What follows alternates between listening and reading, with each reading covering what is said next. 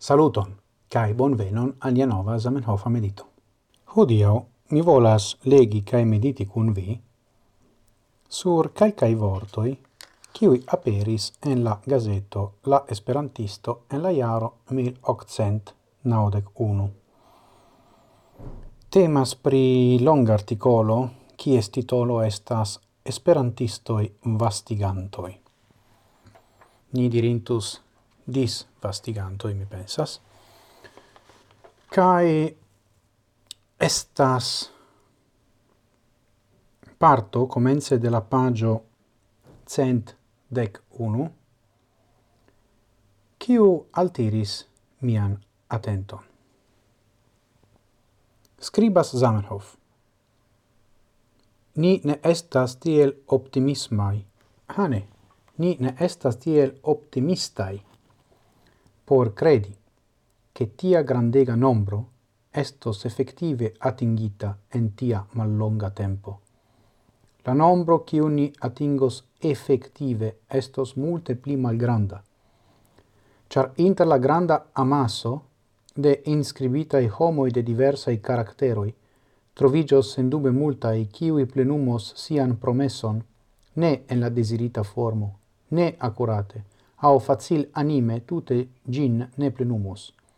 Cai ciu aparta mal accuratulo en portos grandegan malgrandigon en la attendatan nombron. Do temas pri la promesso lerni la lingvon se aliai milionoi lernos. Cai kiel ni scias tre bone. Ĉi tiu promeso neniam effectivigis, Sed la punkto estas alia, lau mi. Zamenhof ne estas naiva, char li sciis che estas homoi qui inscribas sian nomon en eh, petition, exemple, tutte facilanime, leggere, sen troppi pensi. Do, ni devas, lau mi, pensi pri la signifo de la nombroi, char ciu elemento ciu formas nombron, facte estas homo, estas persono. Kai ne ciui estas egalaj laŭ la engaggio laula intenso, laula la accurateco.